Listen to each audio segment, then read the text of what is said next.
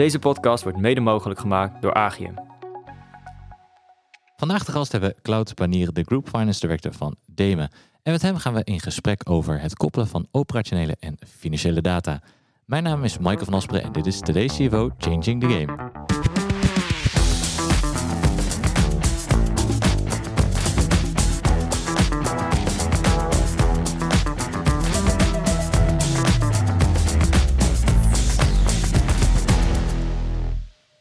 Claude, welkom. Leuk dat je er bent. Graag, bedankt voor de uitnodiging. En uh, uh, ja, eigenlijk uh, twee primeurs vandaag. En de een is, je bent onze eerste internationale gast. Een hele eer, dank je. Kijk, overgekomen uit, uit Antwerpen. Ja, niet zo heel ver van Nederland, dus valt wel. Nee, dat is waar. Maar toch, onze eerste internationale gasten zijn we blij mee. En de tweede primeur is Ron Duin als sidekick voor het eerst. Dankjewel voor de uitnodiging, Michael. Heb je er ook zin in? Ik heb er zin in. Kijk, dat is heel erg mooi. En uh, voor degene, ja, want jij bent voor het eerst natuurlijk, niemand kent jou. Kan je misschien nog even kort vertellen wie jij bent? Zeker. Ik ben uh, Ron Duin. Ik ben sinds uh, begin dit jaar werkzaam bij Agium. collega dus, Michael. Ehm, financieel, controlling, al heel lang in het operationele vak. En nu gespecialiseerd hier bij Agium in financiële transformaties. Kijk, heel goed, heel goed. En ja, dan naar onze internationale gast. Ja, ik blijf het gewoon leuk vinden om te zeggen. Uh, Claude, kan jij even iets vertellen over uh, jezelf, wie jij bent, uh, waar je vandaan komt? En dan gaan we daarna natuurlijk ook even naar, de, naar het bedrijf Demen, want dat zullen we ook niet kennen. Ja, inderdaad. dus dan, dan, dan, horen we daar ook graag meer over. Maar eerst jezelf. Dus Claude Penier, ik heb bedrijfseconomie gestudeerd. Ik ben eigenlijk van nature uit of van, van geboorte ben ik een West-Vlaming. ik ben door het werk eigenlijk in Antwerpen terechtgekomen. Uh, na mijn studies ben ik eigenlijk in het bankwezen terechtgekomen. Ik ben uh, voor uh, KBC Bank gaan werken. Een relatief grote bank in België. Ja. Niet onbekend in Nederland trouwens, KBC? Ja, inderdaad. Um, dat heb ik niet zo heel lang gedaan. Ik denk een anderhalf jaar. En toen heb ik beslist eigenlijk om eerst een sabbatjaar te nemen. Um, ik wou eigenlijk volledig vrij zijn. En heb mijn ontslag aangeboden bij de bank. Uh, en de bedoeling was om uh, de zijderoute te gaan doen in zes maanden. Oh, wow. uh, uiteindelijk is het een ganz ander iets geworden in uitvoering. Heb ik 22 maanden gereisd. ik zeg altijd, als ik daar nu nog op terugkijk, mijn beste ervaring in mijn leven, heb ik ook het meest van geleerd. Heeft mij ook veranderd als, als persoon. Um, daarna ben ik dan voor de eerste keer voor Demi gaan werken. Dat was de periode 97 tot 2005. Uh, verschillende functies uh, doorlopen ook in DME. Uh, heel veel internationaal gewerkt. was terug een, een unieke ervaring. omdat je natuurlijk met heel veel verschillende culturen... Het was ook een, ander, een andere wereld op dat moment nog. Hè. We spreken over de jaren 97 tot 2005. Um, dan terugkomen naar het hoofdkantoor en natuurlijk dan eindelijk niet zozeer uit onvrede, maar uh, iemand anders tegen het lijf gelopen die absoluut wou hebben dat ik uh, voor hem kwam werken. Was trouwens een Nederlander, ja. Anton Las. En ben ik voor PSA gaan werken. Uh, unieke periode, was de periode van 2005 tot 2007 heb ik dat gedaan. mergers and acquisitions terechtgekomen. Natuurlijk 2007, financiële crisis. was een moeilijke periode. Er was niks van, van mergers of acquisitions te doen. Uh, dus uh, dan ben ik terug naar DEME gegaan en sindsdien uh, in verschillende functies binnen DEME gezeten. het is toch terug al een, een 16 jaar ondertussen. een fantastisch bedrijf, heel entrepreneurial ingesteld. En ik ben daar momenteel Group Finance Director. Ja. En voordat ik dan zo meteen even inga op wat jullie doen, is door je introductie ook twee vragen. Eén is, je zei West-Vlaming. Ja. wat is het verschil dan tussen een West- en een is dan Oost-Vlaming? Ja, je hebt West-Vlamingen, Oost-Vlamingen, Antwerpenaren. Uh, er zijn heel veel West-Vlamingen over Hans België uh, uitgespreid. Dat komt eigenlijk omdat in die tijd zeker het was niet mogelijk om, een, naar een universiteit te gaan in West-Vlaanderen. Die waren er gewoonweg niet. Dus de meesten gingen naar Leuven, Antwerpen, Brussel. En ik ben zelf in Leuven terechtgekomen. Ehm, dus ja, ehm, we hebben best ook binnen het bedrijf uh, wel wat West-Vlamingen werken. Uh, dat komt ook eigenlijk omdat DEMI op een gegeven moment een samensmelting geweest is van Dredging International en Bagerwerken de Kloet. Uh, en Bagerwerken de Kloet was eigenlijk, de De Kloet-familie was een West-Vlaamse familie. Oh, okay. En de tweede vraag was, eh, eh, je vertelde je ging, je ging reizen. Mhm. Je bent 22 maanden weg geweest en dat, dat heeft je veranderd. Tuurlijk, ja. En op welke manier? Wie was je toen je wegging en wie was je toen je terugkwam? Kijk, ik heb eigenlijk een redelijk traditionele opvoeding gehad. Een beetje eh, een, beschermd milieu, zal ik maar zeggen. Eh, gewoon heel makkelijk mijn studies doorlopen. Ik was een, relatief goede student. Eh, heel sportief. en, en ja, ik kwam dan van eigenlijk een, een laten we zeggen, de outskirts van, van Brugge. Brugge is eigenlijk al een provinciaal stadje. De outskirt is nog meer. eh. Dus eh, je komt uit een beschermd milieu en dan ga je opeens de wereld rond. Eh, mijn doelstelling was eigenlijk de zijderoute te doen. Eh, dus dat gaat over landen zoals Turkije, eh, Turkmenistan, Iran, Irak eh, en zo verder. Op een gegeven moment ben ik door visaproblemen niet verder geraakt en heb ik eigenlijk Gans Afrika gedaan. Ehm, en ik heb dat alleen gedaan. En eigenlijk was dat, ik denk, op in het begin, de eerste maand, moet je een nieuw tijdsbesef krijgen en moet je leren alleen zijn en, en dat soort zaken. Ehm, maar je wordt ook gedwongen door alleen te reizen door andere mensen die uit een ander soort milieu komen of uit een ander soort opvoeding komen. eh, word je eigenlijk eh, genoodzaakt om daar kennis mee te maken. En dan leer je al vlug om, eh, ja, don't judge a book on its cover. Dat leer je dan al vlug over, over je, je reis eigenlijk. En ik ben gewoon met een heel breed spectrum van mensen in, eh, in contact gekomen. Eh, heel veel verschillende situaties gezien. En dat heeft mij als persoon wel, wel goed gevormd. En ik, eh, ik moet zeggen dat ik dat dag, dagelijks vandaag nog wel ervaringen van, van, van meenemen en dergelijke. Ja, dus het opende wat dat betreft echt jouw ogen als het gaat om wat Ja. er allemaal in de wereld is, wat voor een type mensen je allemaal hebt. Ja, tuurlijk. bijvoorbeeld, ja, voor mij, geldtekort is nooit een issue geweest in mijn leven. En dan kom je toch eh, in streken waar het eh, mensen niet zo breed hebben, maar waar je toch heel veel, je hebt zo'n Spaanse term daarvoor, of een Zuid-Amerikaanse term, allegro, hè, eh, blijdschap, innerlijke blijdschap van Ja. de mens ziet. Voor mensen die, ja, die gewoon om drie uur middags op een plastic stoel in de zon gaan zitten, terwijl wij allemaal hard aan het werk zijn voor onze BMW of onze televisie, onze Ja. flatscreen. Ja, dat is, dat is mooi om te zien en dat leer je ook wel appreciëren.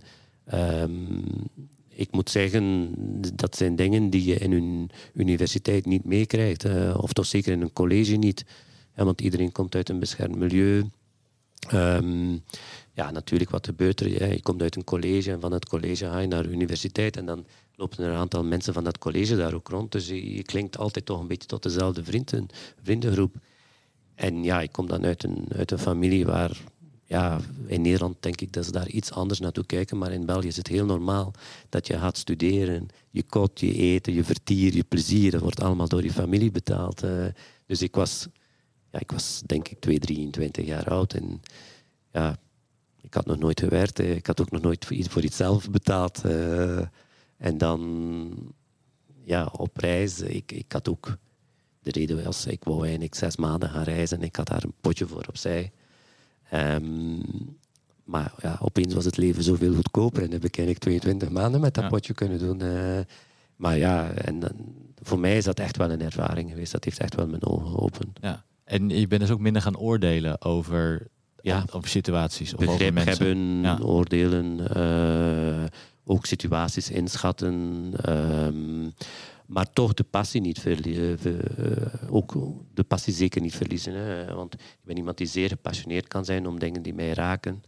Ehm, en dat vind ik zelf heel mooi. Eh, dat is ook een stukje waarvoor ik leef. eh.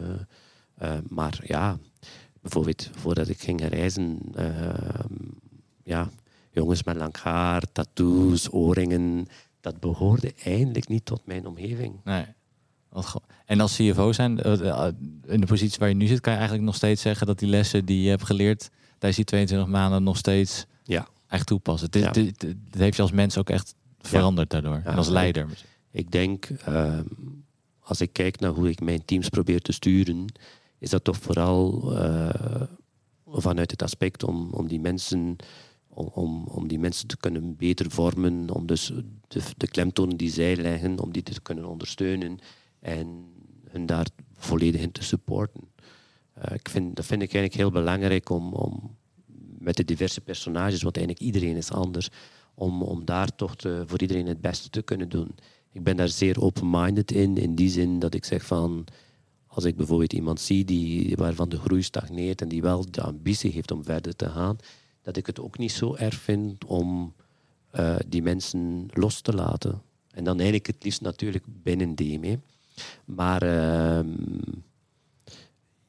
zelfs als het niet zou binnen zijn, uh, vind ik het toch wel belangrijk dat mensen gelukkig kunnen zijn en dat ze zichzelf kunnen ontwikkelen.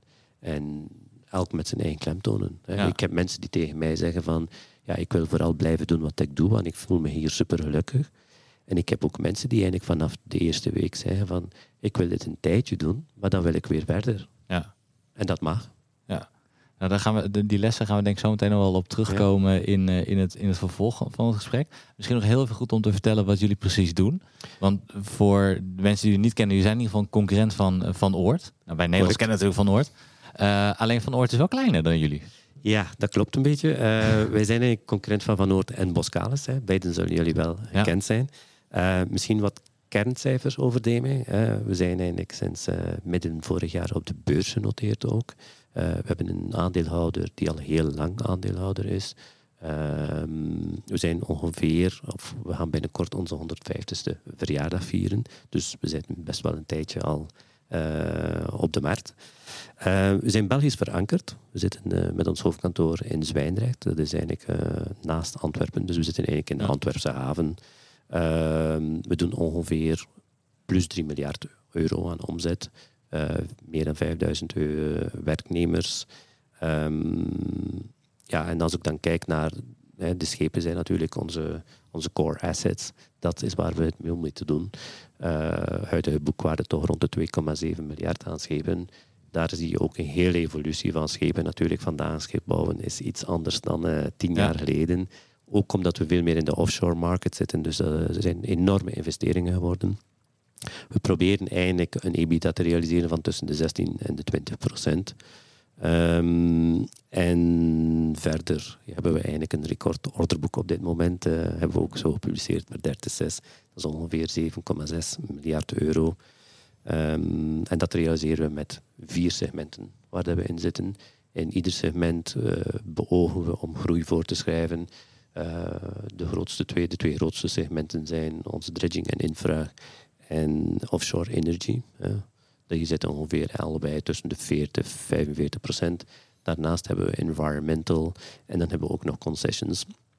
Concessions die niet zozeer meespeelt in onze omzet, maar wel een een, een, een healthy uh, winst naar voren brengt. Ja, Dat zou eigenlijk een beetje onze steady kaststroom moeten zijn. Ja. En voor diegenen die niet uh, de Engelse termen goed kennen, ja, dre dredging, uh, dat staat voor? Baggeren. Ja, dat is Precies. eigenlijk het traditionele baggeren. En dan kun je onderhoudsbaggeren hebben. En, en, en ook ja, echt de ontwikkeling van nieuwe havens. Maar wat het dan het meest in het oog springt voor de mensen is waarschijnlijk de, de exotische palmeilanden in Dubai en dergelijke, ja. ja. die zijn er natuurlijk ook. Ja. ja en onze trotse Maasvlakte 2 natuurlijk. Hè? Ja, inderdaad. en, en de andere segment, uh, uh, laten we zeggen bij de offshore, en um, daar, daar zie je in Nederland door de energietransitie natuurlijk ook uh, enorm veel bedrijven inzetten op het bouwen van die windmolens. En dat is voor jullie ook wel waarschijnlijk ook echt een grote groei. Correct, correct. Ja. Um, het is natuurlijk een markt die enorm geëvolueerd is. als je ziet ehm, het type windmolens die we nu installeren ten opzichte van de, de windmolens van het begin. Tien jaar geleden sprak men over windmolens van 1 megawatt. Nu spreken we over per windmolen 16 megawatt. Je kunt je inbeelden dat de investeringen om die dingen te plaatsen, dat dat een, van een andere magnitude is. Ja. ja. ja, als je steeds nu, groter. Ja, als je kijkt naar de laatste schepen, dan, dan ga je zelfs plus 200, plus 300 miljoen euro per schip. Uh, dat zijn mega-investeringen. Wauw, dat, dat is behoorlijk wat, ja. En, en, en, dan, en dan als je dan de koppeling even maakt naar het, uh, naar het thema, want je wilde het ook mhm. graag hebben over die koppeling van de operationele Correct. en financiële data. Dat, dat is waarschijnlijk erg belangrijk, juist omdat je uh, in deze industrie zit, in een heavy asset gefinancierd bent en je hiermee ook het verschil kan, kan Correct. maken. Correct, ja. Het zijn natuurlijk mega-investeringen en ik denk best wel dat het opportun is en dat het heel belangrijk is om daar op een, ja, op een zeer efficiënte manier mee om te springen. Um, je moet ook Hè, wat hangt er allemaal rond zo'n zo'n zo'n type equipment? Uh, vroeger waren, was alles kleiner, nu is alles zoveel groter. Uh, als je dan kijkt naar bijvoorbeeld die, de, de, onze laatste investering, zoals een Green Jet en een Orion en dergelijke, dan moet je al vlug rekenen dat daar 150 man personeel rondhangt. Dus je wilt die allemaal eigenlijk zo efficiënt mogelijk inzetten. Je wilt uh, ja, je consumptie van je fuel. Uh, je hebt dan ook nog een keer de wetgeving, biofuel en dergelijke. Daar wil je allemaal zo efficiënt mogelijk mee omspringen. Um, plus de wereld is ook gewoon veranderd. Uh, er staan honderden metertjes op dit soort tuig. je krijgt een bulk aan informatie binnen. Wat doe je daar dan mee? het is belangrijk dat niet iedereen naar zijn eigen metertje kijkt, maar dat er ook nog iemand naar het totaal van alle metertjes kijkt. Ja. En uh, om te zien van, ja, hoe gaan we daar dan financieel mee om? Ja. Uh, dan heb je ook nog het aspect van directe en indirecte kosten. Ja, een tuig, stilleggen van, van, van die magnitude met zoveel mensen om, ja, dat wil je eigenlijk ook gaan beperken. Want de indirecte kost is soms veel hoger dan de directe kost. Ja, want wanneer zijn jullie hier dan mee begonnen? Waar, waar, nou, wanneer ben jij de, heb jij gezegd van jongens, we moeten hier wat mee? Wel, um, goh, het is natuurlijk iets die een beetje gegroeid is. Um, het is ook een evolutie van mensen overtuigen. Hè. Wat, wij komen eigenlijk uit een, uit een issue van financial controlling. Waarbij dat we eigenlijk vooral een nood hadden van bovenaf. Hè, van onze aandeelhouders, van, van ons management. Uh, uh, zowel middelmanagement als senior management. Van, ik wil weten wat het kost. Ja? Maar waar dat we eigenlijk van een reactieve manier van werken, nu eigenlijk naar een proactieve manier gaan werken. Ehm, dus waar zitten we eigenlijk op vandaag? Uh, we willen eigenlijk proactief gaan werken. We willen eigenlijk zowel verticale als horizontale integratie hebben van alles. tussen departementen, tussen die 100 metertjes, laat maar zeggen. Willen we eigenlijk weten van ja, wat als we dit metertje negeren en we doen iets anders? Wat is de financiële impact daarvan? Um, en dat was een hele andere spirit, dat was een heel ander idee van werken. En die hebben we wel moeten verkopen. Dus het heeft wel een, ja, ik zou toch zeggen, toch zeker een tweetal jaar geduurd voordat we ons management konden overtuigen om daarin te gaan investeren. Want vroeger zat er op financial controlling van die schepen zat, zat er gewoon twee mensen. Nu heb ik een team van een, uh, ja, denk van een tiental mensen daar rondom zitten. Uh, dus het is eigenlijk investeren om het er nadien terug uit te halen. En dan vervolgens ook nog al die andere departementen, maar ook de crew aan boord mee gaan krijgen. Want er is bijvoorbeeld tegen de crew aan boord is altijd verteld geweest van jullie moeten niet om financiën nadenken. Jullie moeten gewoon maken dat er productie komt. En productie is uiteindelijk ook financiën, want dat, ja, dat wordt betaald. Ja. En dat is ook zo. Maar nu zeggen wij nee, je moet maken dat er productie komt, maar we willen ook dat je heel kostenbewust bent. En we geven hen mensen heel veel inzicht. En dat was voor financiële mensen was dat heel moeilijk. Um, maar voor die crew was dat natuurlijk ook veel moeilijk. Want er kwam opeens een jonge snotneus van 28 aan boord.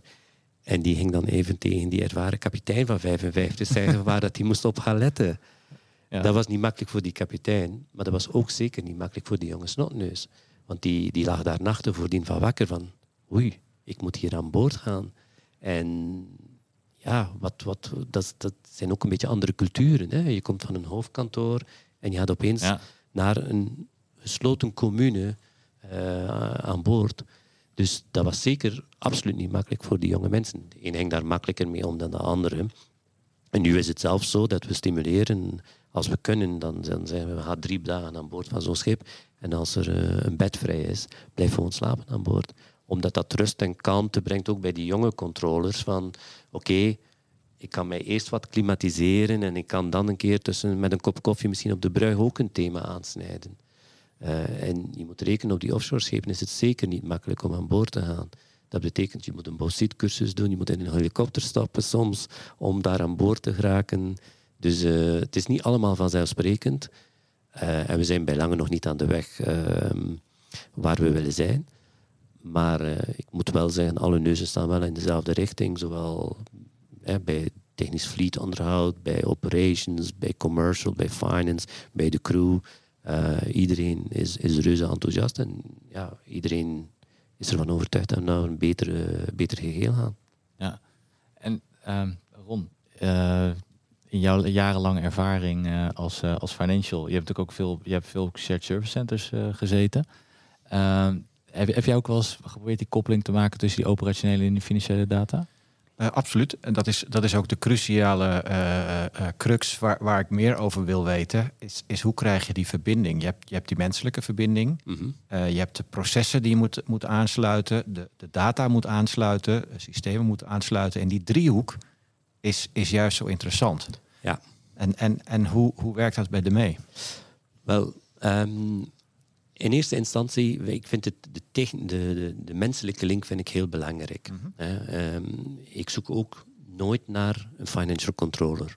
Ik zoek eigenlijk echt naar een business controller. Iemand die graag en gretig op zoek gaat naar het waarom en het hoe van een financiële, van een financieel gevolg. Want voor mij financiën zijn eigenlijk altijd gevolgen.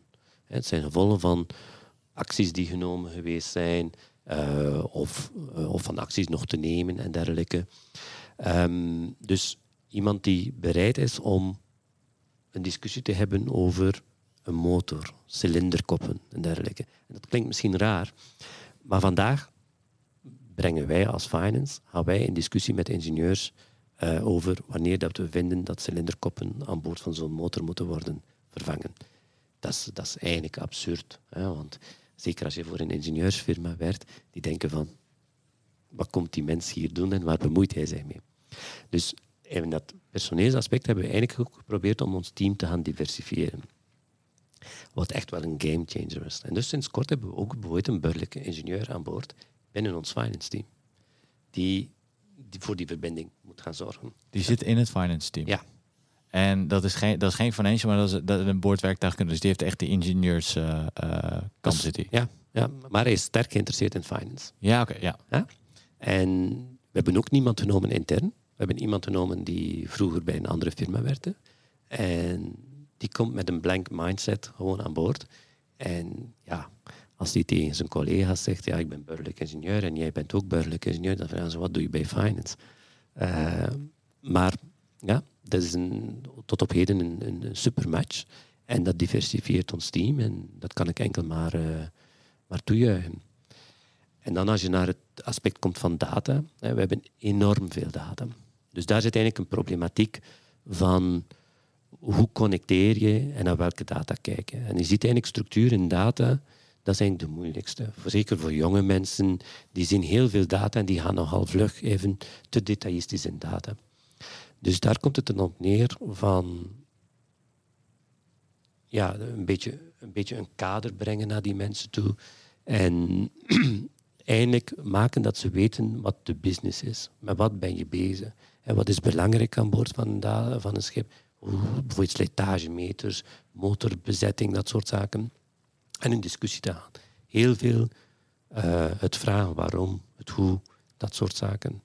Ehm, dus ik ben niet zozeer iemand van ik vertrouw op mijn data. Hè, want eh, natuurlijk, we hebben dan hè, dat, de big data die we dan hebben, daar zitten een aantal analisten eh, op en daar komen dan, ja, laten we maar zeggen, dashboards en technische analyses uit en dergelijke. En dat is allemaal leuk, dat is allemaal aardig, maar dat is voor mij een begin. Dat is eigenlijk voor mij een begin van vragen stellen, van wat, wat betekent dat allemaal? Hè? En we proberen ook altijd, een, we proberen ook niet zo vlug een conclusie te trekken over één schip. We hebben natuurlijk heel veel schepen van, ja, wat is de reden waarom dit schip zo reageert en een ander schip bijvoorbeeld niet? Hè, als we bijvoorbeeld aan boord gaan, is dat ook iets dat we proberen. Ja, we proberen eigenlijk ehm, onze bagage mee te nemen van een ander schip naar bijvoorbeeld ja, een bepaald schip. We hebben natuurlijk schepen die heel gelijkaardig zijn, die eigenlijk zusterschepen zijn. Breidelbrug, Brabo bijvoorbeeld. Eh, je ziet dat die een ander kostenaspect hebben. En dat proberen we, daar proberen we uit te leren. Dus die connectie naar, naar, naar data eigenlijk, eigenlijk moet ik zeggen, vandaag zijn we gegroeid naar te veel data. En ik denk dat de meeste bedrijven daar wel mee te kampen hebben van wat doe je er uiteindelijk allemaal mee. hè? Wat heb je dan eh, een, een apart datateam, laten we zeggen wat van al die schepen alle data bij elkaar Ja. krijgt en dan analyses Ja. maakt. Dus Ja. je hebt je, je financial control team eigenlijk eh, die, die, de, die bij de schepen, uh, laten we zeggen, over de vloer komt. Je hebt je datateam wat eigenlijk overkoepelend alles ja, doet. dat is operationele data. Hè? Ja. En die linken we dan met financial data. Uh, en dat doen we eigenlijk binnen een, asset maintenance systeem, waar dat we dan een technische code geven, um, waarbij we ook niet te veel in detail proberen te gaan. Je moet zien, ja, je moet het natuurlijk ook een beetje zien in de magnitude van, van, cijfers. Hè. Als je 300 miljoen euro investeert in een, in een bepaald tuig, ja, dan leg je eigenlijk niet zo heel veel wakker meer van die oliefilter die vervangen moet worden. Ik zeg niet dat we daar niet naartoe kijken.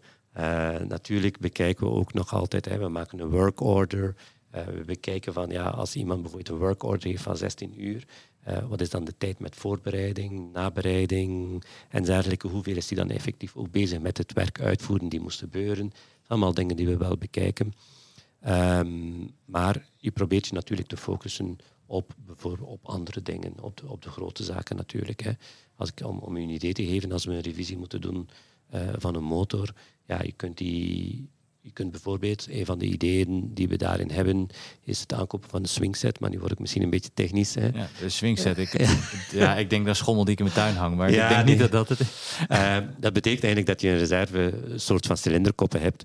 En dat je eigenlijk de revisie al werkend kunt doen door bijvoorbeeld, ja, als je een keer een paar uur stil gaat, dan neem je een cilinderkop eruit en zet je eigenlijk van je swingset een ander cilinderkop erin. Maar dat betekent eigenlijk dat we dan geen indirecte kosten hebben bij de vervanging. Je moet natuurlijk wel in een extra set gaan investeren.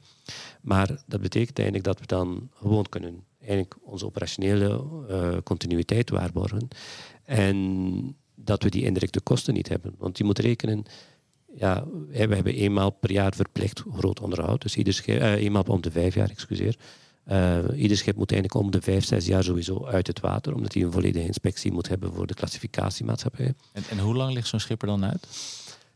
Dat hangt af van schip tot schip. Uh, dat kan van twee, drie weken zijn tot uh, meer dan een maand. Het komt er eigenlijk heel belangrijk voor ons is om die tijd te beperken. Ja. Omdat de indirecte kost van het personeel er rondom, de faciliteiten van de scheepsbouwer enzovoort enzovoort, ja, dat, dat zijn zo'n grote bedragen eigenlijk is dat bijna, soms gaat dat tot, tot 40, 50 procent van, uh, uh, van je kosten eigenlijk van reparatie.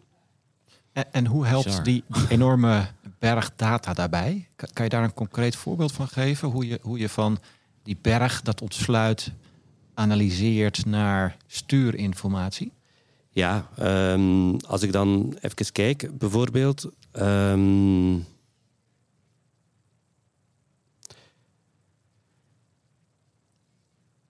Ja, als, ik, als we nu hè, we bekijken wat de financiële impact is van iets. Hè, bijvoorbeeld als ik nu even refereer naar die swingset van daar pas. Mm -hmm. ja, je hebt je investering in een swingset, kan, kan makkelijk meer dan 1 miljoen euro zijn. Ja.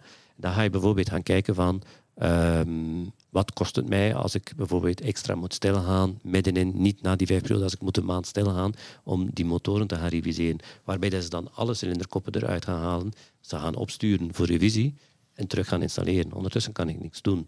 Ja, dan, dat is dan je personeelskosten en dat soort zaken, de stillegkosten en, enzovoort. Plus dan ook nog het mis aan je potentiële operaties. Hè. Vandaag zitten we bijvoorbeeld in de offshore. Offshore schepen zijn wel anders geconfirmeerd, meestal dan de traditionele baarschepen. Die werken met veel elektromotoren, dus als er eentje uitvalt, is dat niet zo'n probleem. Um, maar ja, we proberen natuurlijk ook onze bezettingsgraad te garanderen. We willen natuurlijk een zo hoog mogelijke bezetting, een zo hoog mogelijke reliability. Uh, we streven eigenlijk naar een 95, 98 procent reliability. Dat is best wel hoog. Um, dus als we dan die financiële data erbij gaan bij betrekken, dan zien we direct de impact van een bepaalde actie die niet genomen is of wel genomen. Hè. Um, als we dan bijvoorbeeld een keer voor een langere periode geen werk voor schepen hebben, ja, dan proberen we natuurlijk die mensen die rondom dat schip te gaan, die proberen we ergens anders in te zetten. Dus dan proberen we eindelijk een schip, we noemen dat cold lay-up, proberen we een schild in cold, cold lay-up te zetten om de kosten gewoon te minimaliseren en ergens ook weer terug te gaan naar een optimalisatie van onze personeelsinzet. Het is trouwens op vandaag niet zo heel makkelijk om personeel te vinden voor alles wat we aan het doen zijn. We hebben eigenlijk permanent vacatures uitstaan, zowel op staf als crewniveau. Dus je kunt ze beter maar zo goed mogelijk gebruiken. Kan- je dan, als je, als je het hebt over het koppelen van, van, eh, van al die verschillende data, zeggen van hey, je hebt bijvoorbeeld die, die, die swing set en ehm, eh, eh, je weet hoe de verschillende ehm, cilinders er bij wijze van spreken voor staan. Dan zeg je van hey, het is eigenlijk wel slim om die cilinder nu te gaan vervangen, want we liggen, dan, we liggen toch stil. En misschien dat hij nog wel twee weken langer mee kan, maar als we hem nu vervangen, dan kan hij weer even door. Gaat, Ja. dat, gaat dat echt zo ver? Ja, ja, ja, dat is perfect wat we doen met die financiële data. Ehm, dus eigenlijk eh, het belangrijkste door die financiële data te koppelen is dat we lange termijn gaan kijken. Dus we willen eigenlijk kijken van hoe gaan we een schip bouwen. Dat is eigenlijk al de, de eerste belangrijke eh, stap. Ehm, het is niet moeilijk om een schip 10 of 15 procent goedkoper te bouwen. Dat is absoluut niet moeilijk. Eh, dat zit bijvoorbeeld in hoeveel staal steek ik in een schip en dat soort zaken. Ja. Maar wij proberen te kijken vanaf de bouw van het schip over de volledige levensduur van een schip.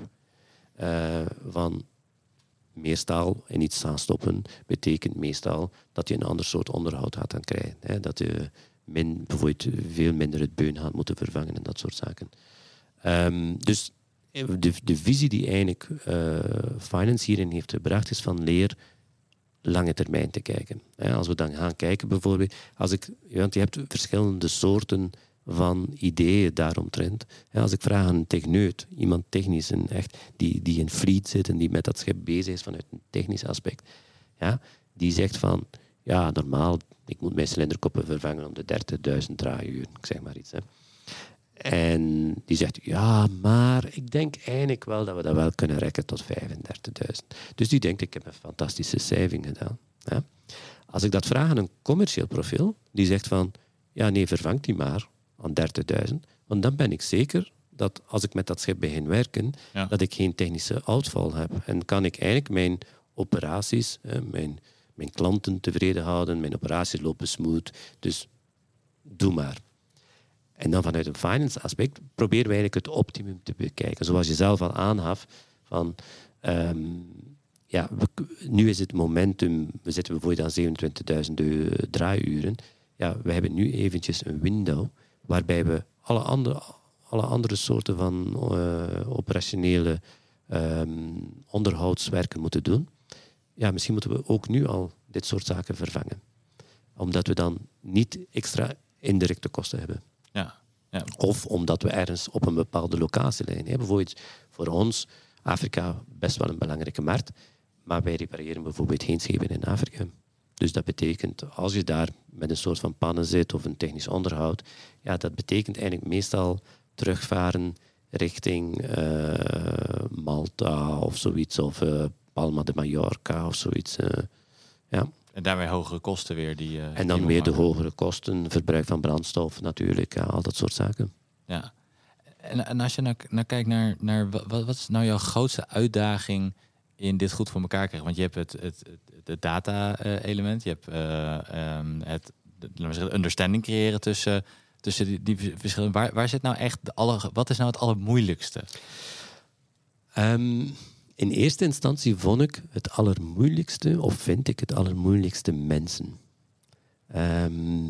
Depart, over de departementen heen, maar ook zeker zowel verticaal als horizontaal. Hè. We, we dealen natuurlijk met fleet management, met operations, met commerciële mensen. Ehm, ja, ik, ga bijvoorbeeld commerciële opportuniteiten, hè, die zijn er natuurlijk altijd. Mensen die zeggen van, ik wil bijvoorbeeld een schip op een bepaalde locatie houden, omdat er misschien een commerciële toekomstige opportuniteit uitkomt. Ehm, alle mensen laten inzien de lange termijnvisie. Ja. Eh, dat is eigenlijk het moeilijkste, hè, want natuurlijk alles loopt door PNL en, en ja, er is nogal een keer de neiging van misschien moeten we een miljoen vandaag niet spenderen. Ja. Hè?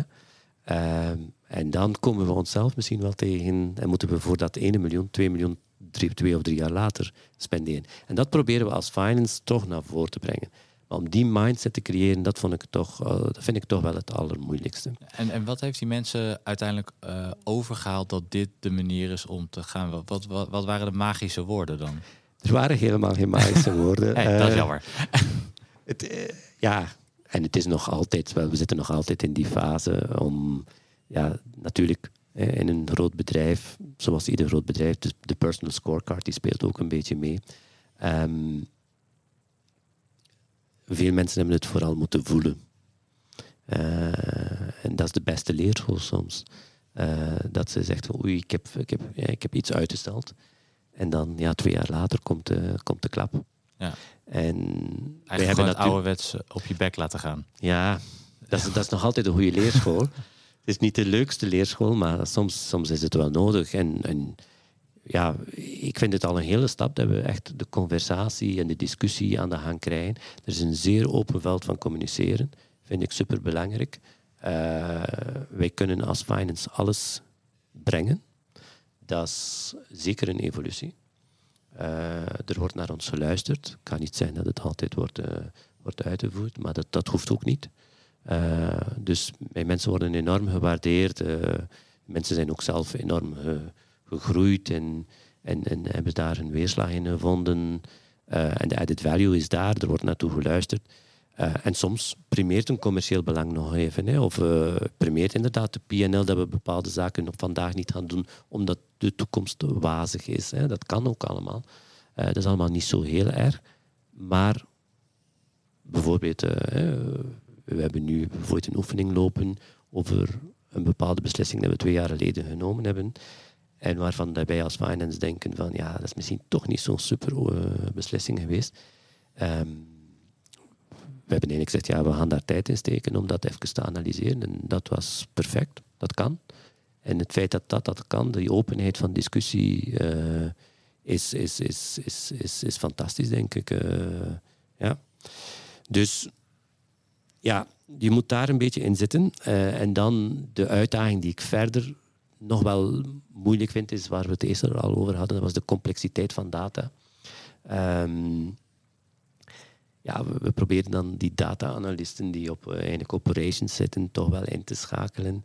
En dan zie je toch dat, dat, dat, het moeilijk is. Zelfs veel mensen die, ja, die maken analyses over data, maar ze weten eigenlijk niet zo heel goed wat die data allemaal inhoudt. En het gewicht dat je aan een data heeft en dergelijke, dat vind ik toch, dat, dat vind ik toch nog altijd het moeilijkste. Hè.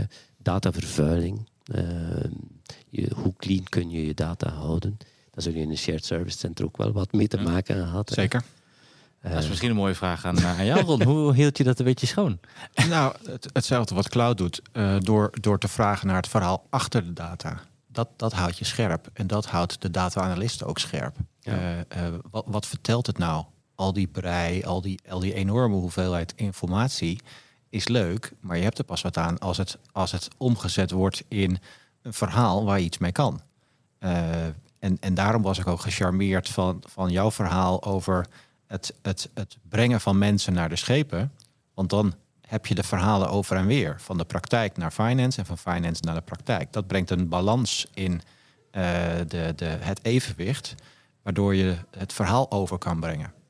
Herken je dat, Claude? Dat, ja, dat... We, hebben dat, we hebben daar echt zeer sterk... En ik, een van de eerste beslissingen die we daarin genomen hebben is van... Vroeger was het vooral een cultuur van het project of het schip die rapporteerde aan hoofdkantoor.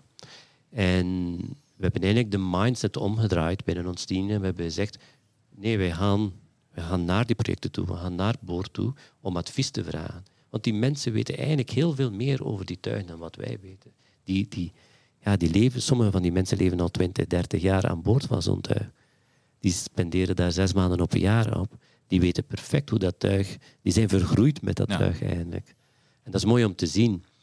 Um, en we hebben natuurlijk ook heel veel geïnvesteerd in processen en procedures, want dat is wel belangrijk. Ja, we komen uit een tijd, en dan spreken we misschien wel twintig jaar geleden, als ik zelf voor de eerste keer voor DME naar, uh, misschien een mooie anekdote, naar het buitenland ging, um, ja, dan ging je eigenlijk naar een kleine KMO. Ja, een van mijn KMO? Eerste, ja, een kleine, kleine middelgrote onderneming. Okay, ja, ja. Mijn eerste project was in Argentinië, dat was trouwens een joint venture met Poscalis. Um, en je komt daartoe, hè, je moet daar een bepaald project doen. Um, ja, dat was het begintijdperk van gsm's en, uh, en, computers. Ik denk dat de jonge luisteraars dat niet meer kunnen herinneren ondertussen. um, maar je moest eigenlijk alles doen. Je moest gewoon, je leidde een kleine, vanuit financieel aspect, leidde een kleine onderneming. En iedereen probeerde dat naar behoren te doen. En er kwam misschien een paar keer per jaar kwam er iemand langs voor een paar dagen. Maar dat was het. Nu zijn we natuurlijk sterk gecentraliseerd en proberen we eigenlijk, ja, proberen we eigenlijk op een bepaalde manier te werken. We proberen we eigenlijk added value te geven vanuit het hoofdkantoor te centraliseren. We hebben ook heel veel werk uit handen genomen van die mensen, zodoende dat ze zich kunnen focussen op controlling, dingen begrijpen, proactief gaan zijn. Ehm, en ja, dat is enkel mogelijk gemaakt door automatisatie en, door een veranderde wereld natuurlijk. Daarentegen hebben we natuurlijk ook een veel grotere vorm van complexiteit gekregen. Ja, ja eh, laten we zo nog even ingaan op, op wat, wat jij ook net vroeg over die, uh, die complexiteit van die data en die ongestructureerdheid van die data. Want die financiële data, dat is over het algemeen gewoon duidelijk. 1 plus 1 is 2, euro's en euro's. Daar zit niet zo heel veel interpretatieverschil in principe in.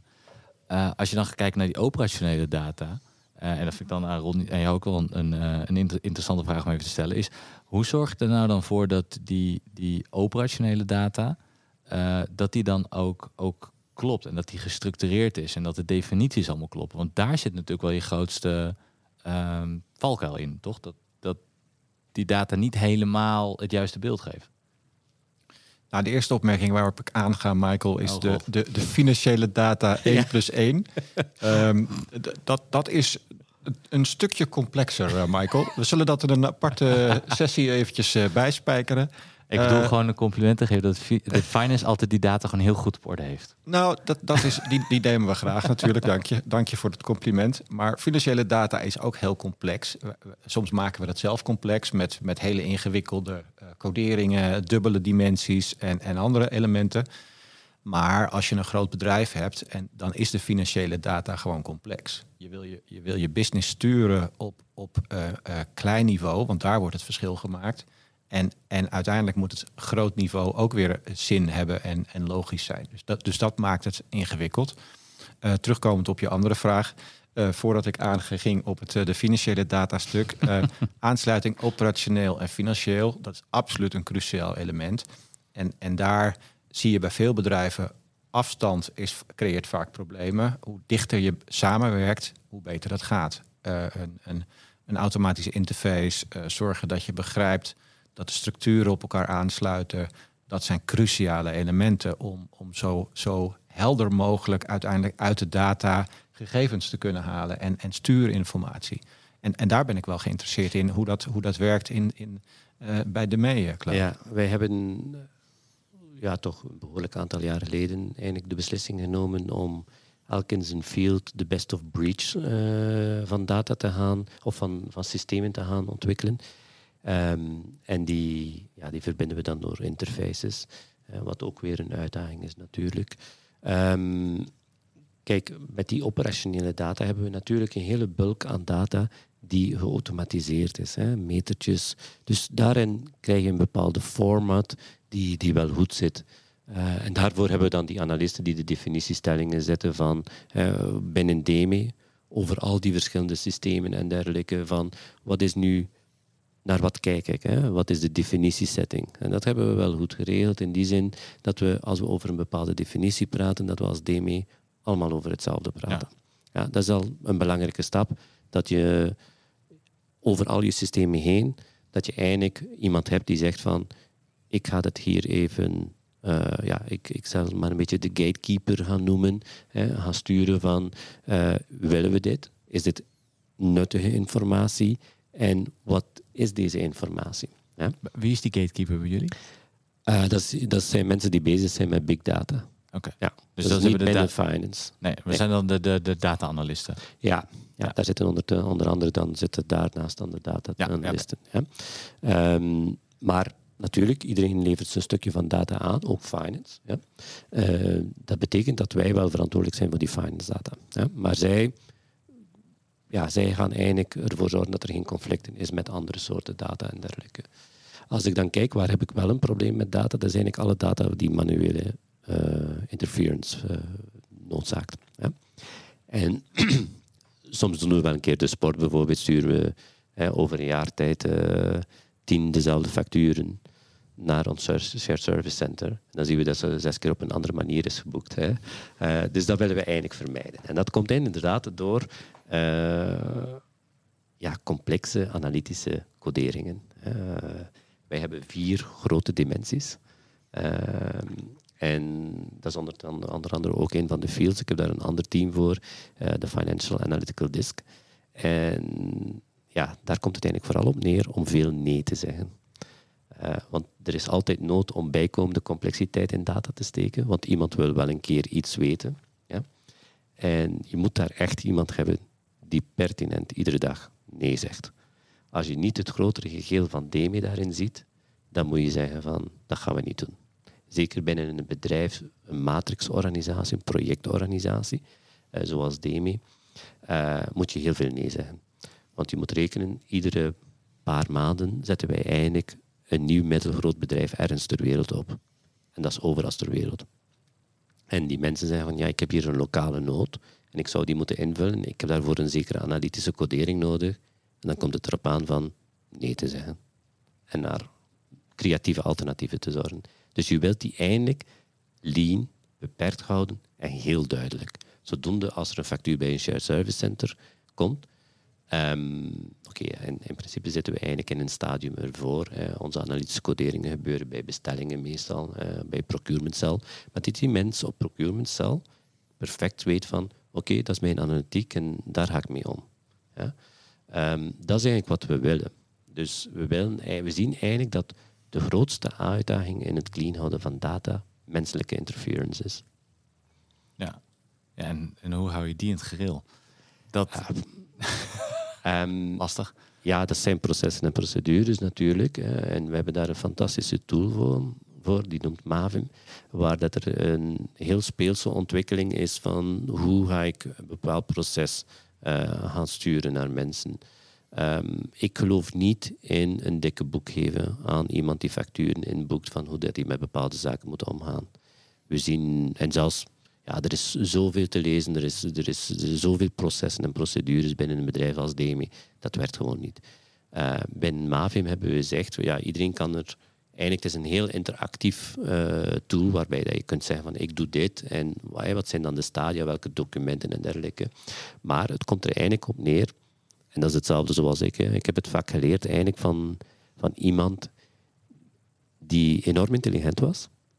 Uh, en ik weet maar zijn, zijn werkijver hè, was, laat, laat ons zeggen, ietsje minder. Dus uh, was iemand die nogal heel graag werk opzij schoof. En die schoof dat allemaal naar mij. Oh, oké. En ik heb daar heel hard gewerkt. Uh, maar ik heb daar enorm veel van geleerd. En ik denk ook, het komt vooral terug in investeren in die mensen. En of dat nu gaat van mensen die, die een factuur inboeken of van area controles of zoiets, investeren in die mensen, hun laten inzien en het nut van wat ze doen, waarom dat ze iets doen, uitleg geven en hoe dat je iets doet. En je krijgt dat nooit helemaal clean, maar dan, zit je toch, dan, dan, dan streef je toch wel naar een cleanere data. En dat is hetzelfde met mijn, mijn team. Sinds dat we die overslag gemaakt hebben om naar de schepen toe te gaan, uh, om tussen de departementen te gaan communiceren, om mensen te tonen van waar we op lange termijn mee willen bezig zijn, de motivatie in dit soort teams is, eh, enorm. Die mensen, de work, um, de joy of work dat ze krijgen, is, is fantastisch. Ja, en als je dan nog, nog even inzoomt op die, die samenwerking hè, tussen, tussen, want je hebt uh, uh, laten we zeggen, mensen in de operatie en je finance mensen zitten heel dicht tegen elkaar. Je datacenter staat eigenlijk en je data engineer staan er eigenlijk iets verder van af, voor, mijn, voor mijn gevoel. Correct. Is, uh, hoe probeer je die wie zoekt vooral die samenwerking met hun op? Zijn dat meer de operations mensen of zijn dat meer jouw, jouw team van financials? Meer de operational mensen. Zij cleanen dit. Bijvoorbeeld heel simpele zaken. Uh, er, komt, er komt operationeel data van een schip binnen. Ja, voor een finance persoon, als je zegt ja, een dag, dat is 24 uur. Ja. Dat is een no-brainer. Ja. Uh, maar binnen de operationele data, het zou wel even kunnen zijn dat, dat bepaalde minuten of uren niet belangrijk waren aan boord van een schip en dat daar operationeel een soort van stand-by of zoiets en dat daar niks mee gebeurt. En dat daar operationeel totaal geen nood aan is, bijvoorbeeld. Wel, die data-analysten zorgen er dan voor dat die data enriched wordt naar een 24-uur omgeving, omdat wij er weer iets mee zouden kunnen gaan doen, natuurlijk. Ja, Ja, het is niet dat ze dan zeggen, hey, dat schip heeft zo lang stilgelegen, want er is geen data. Nee, nee. Ja, dus dat, maar dat zou dus misschien is wel, wel belangrijk. Kunnen. Ja, maar dat zou natuurlijk wel kunnen zijn dat zij bepaalde interpretaties hebben van data, omdat ze eigenlijk niet weten hoe het er aan, aan boord toe gaat. Dus Ja. die connectie tussen die twee moeten dan wel, Correct. wel zitten. Correct. En dat moet je dan weer terug gaan uitleggen aan boord waarom dat je dat nodig hebt. Want dat is veel belangrijk. Je moet mensen mee hebben in je verhaal. En je moet hun kunnen tonen van, ja, wat kost dat? Hè? Bijvoorbeeld, ja, we hebben, we hebben kapiteins rondvaren, of een een ganse crew bij uitbreiding, hebben we rondvaren met een tuig van 300 miljoen. Maar tot twee jaar geleden kregen ze niks van financiële informatie. Of dat ze nu fuel consumeren, of dat ze bunkeren, of wat ze gebruiken aan consumables, eh, hoeveel een work order kost, dat soort zaken, kregen ze niks van mee. En nu proberen we hen echt bewust te maken. En er komen heel veel ideeën van boord zelf van, ja, maar dat kunnen we eigenlijk anders. Kunnen we op een betere manier, kunnen we op een goedkopere manier. Ja. En, en als, je, als je dan kijkt naar waar je nu staat, hè, hoe ver ben je dan? Hoe ver zijn jullie als, als, als Demen daarin? Halfweg, denk ik. Dus er is nog vij- 50% te gaan. Als ik het zo een beetje inschat. Kijk, ik denk dat het moeilijkste werk ehm, achter de rug is. En dat is mensen meekrijgen. We Ja. hebben, denk ik, eind vorig jaar, nee, begin dit jaar, er is in april, eh, maart hebben we twee conventies gehouden. Eh, waarbij, waarom twee? Omdat we natuurlijk een permanentie aan boord moeten kunnen garanderen. Want wij werken uiteindelijk op 24 uur na, 7 op 7, eh 365 dagen per jaar. Ehm, hebben we twee conventies gehouden met kapiteins en, en, en eh, chief engineers. Ehm, waar ook finance aanwezig was, om van ideeën uit te wisselen en, en, en, en ja, ook met een goed glas wijn en een diner en eh, eh, een goed Belgisch biertje eh even kunnen van gedachten veranderen. Maar dat is belangrijk, omdat dat, dat, dat, het cleart the way, het effent het pad voor, voor bijvoorbeeld financiële mensen om aan boord te kunnen komen. En het was de, ja, de, de feedback die we daar kregen, daar zijn eigenlijk heel veel zaken natuurlijk besproken geweest, niet enkel finance, maar de, de feedback die wij als finance kregen is dat ze enorm blij zijn met de evolutie, de erkenning. Ehm, en ik ben ervan overtuigd dat we nog heel veel te leren hebben van de mensen die al heel lang aan boord zitten eh, en dergelijke. En ja, het woord is eigenlijk transparantie, communicatie, transparantie.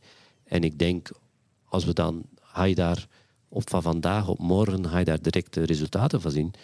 Ja, tuurlijk niet. eh, maar ik kijk eigenlijk naar een periode van 10, 20, 30 jaar. Ja, lange termijn. En we hebben een aantal KPI's gezet ten opzichte van bepaalde ehm, industrienormen die we willen halen.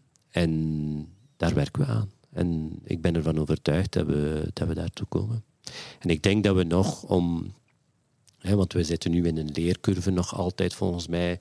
En ik denk eh, dat we nog wel een jaar of twee, drie nodig hebben om dan eigenlijk naar eh, een, een mature setting te komen. Waarbij we zeggen van eh, oké, iedereen is on the rails, de processen staan er enzovoort. Maar is dat nu dan vooral gewoon blijven hameren, hameren, hameren, hameren, hameren? En luisteren. ja, en lu- eh, luister, k- k- maar Ja. gewoon continu blijven vertellen waarom dit Ja. belangrijk is, waarom, waarom we dit doen. Ja, en heel veel data verzamelen die niet in onze data zitten.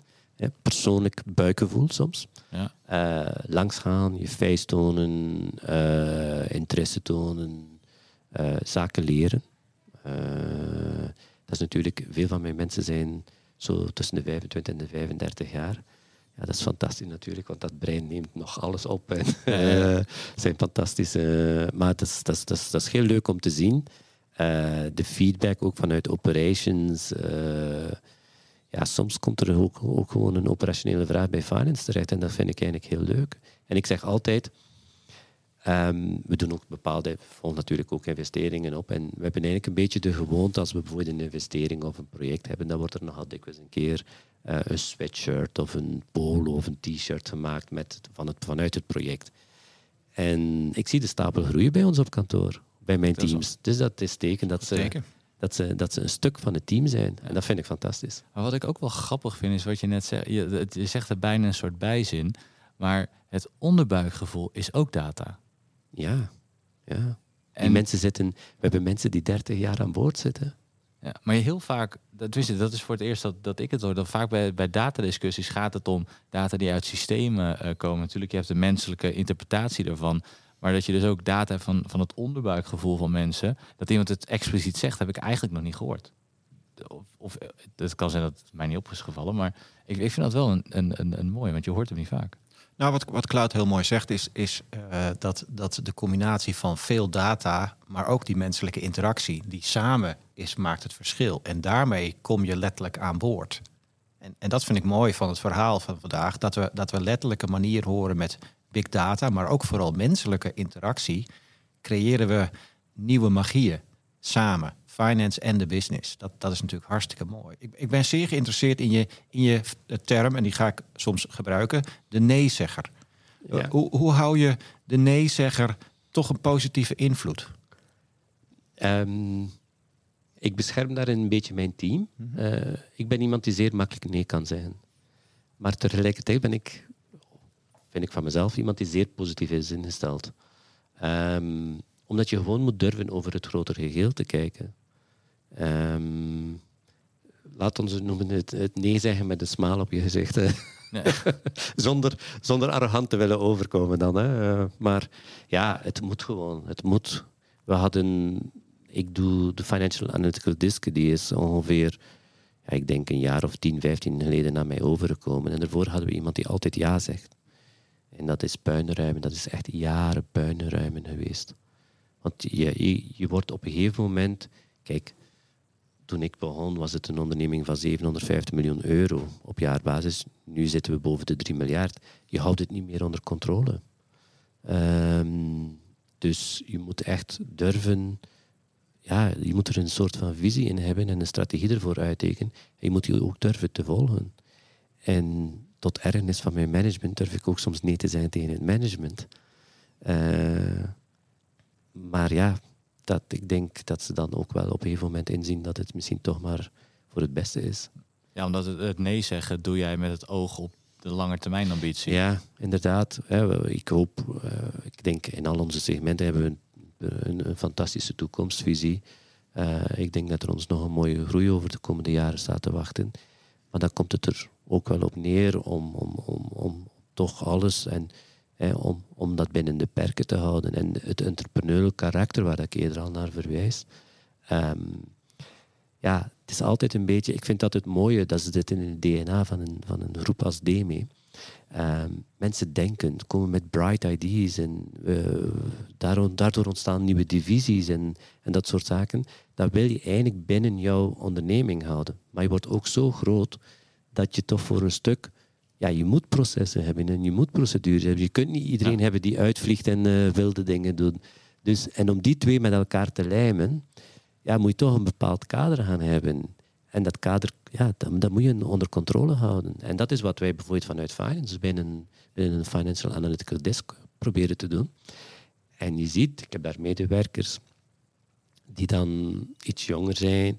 En die hebben daar moeite mee. Want die willen eigenlijk, ja, de persoon die tegenover zit, die wil die niet teleurstaan. Maar ook daar kom je dan terug in een veld waarbij je zegt van, kijk, ik zeg nee, maar dat is de reden waarom dat ik nee zeg. En dat is op lange termijn. Ja. En ik ga nu samen met jou discussiëren of dat we jouw, jouw vraagstuk op een andere manier kunnen oplossen. Dus gelijk ook meezoeken naar een andere oplossing. Ja, daarbij eh, moet, ik, eh, moet ik ook aanhalen dat we weer eh, aardig door de tijd heen zijn gegaan. Dus, eh Claude, is er nog, nog één les, één uitspraak, één uitsmijter die jij zou willen eh, delen met de groep? En dan stel ik een ronde vraag. Ron, heb je nog één prangende vraag? Dan kan Ron nog even nadenken. Ehm, goh. Ja, ik heb natuurlijk nog veel meer te vertellen en je zou veel meer in de diepte kunnen gaan. Maar voor mij, wat, wat, wat, eh, wat ik in deze geleerd heb en, en wat belangrijk is, is vooral inclusie. Eh, mensen betrekken en, en, en op alle niveaus binnen de organisatie respect hebben en, en luisteren naar wat mensen te vertellen hebben. En daar kun je als management heel veel van leren.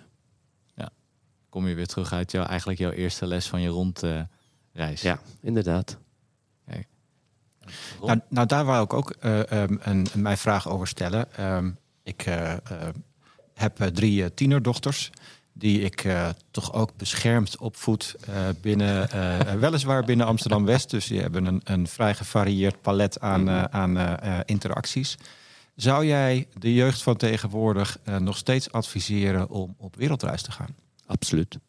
Absoluut. En ik weet dat de wereld. ehm, ik, ik begrijp je vraag. Moest ik dochters hebben in plaats van zonen, dan zou ik misschien ook iets anders reageren.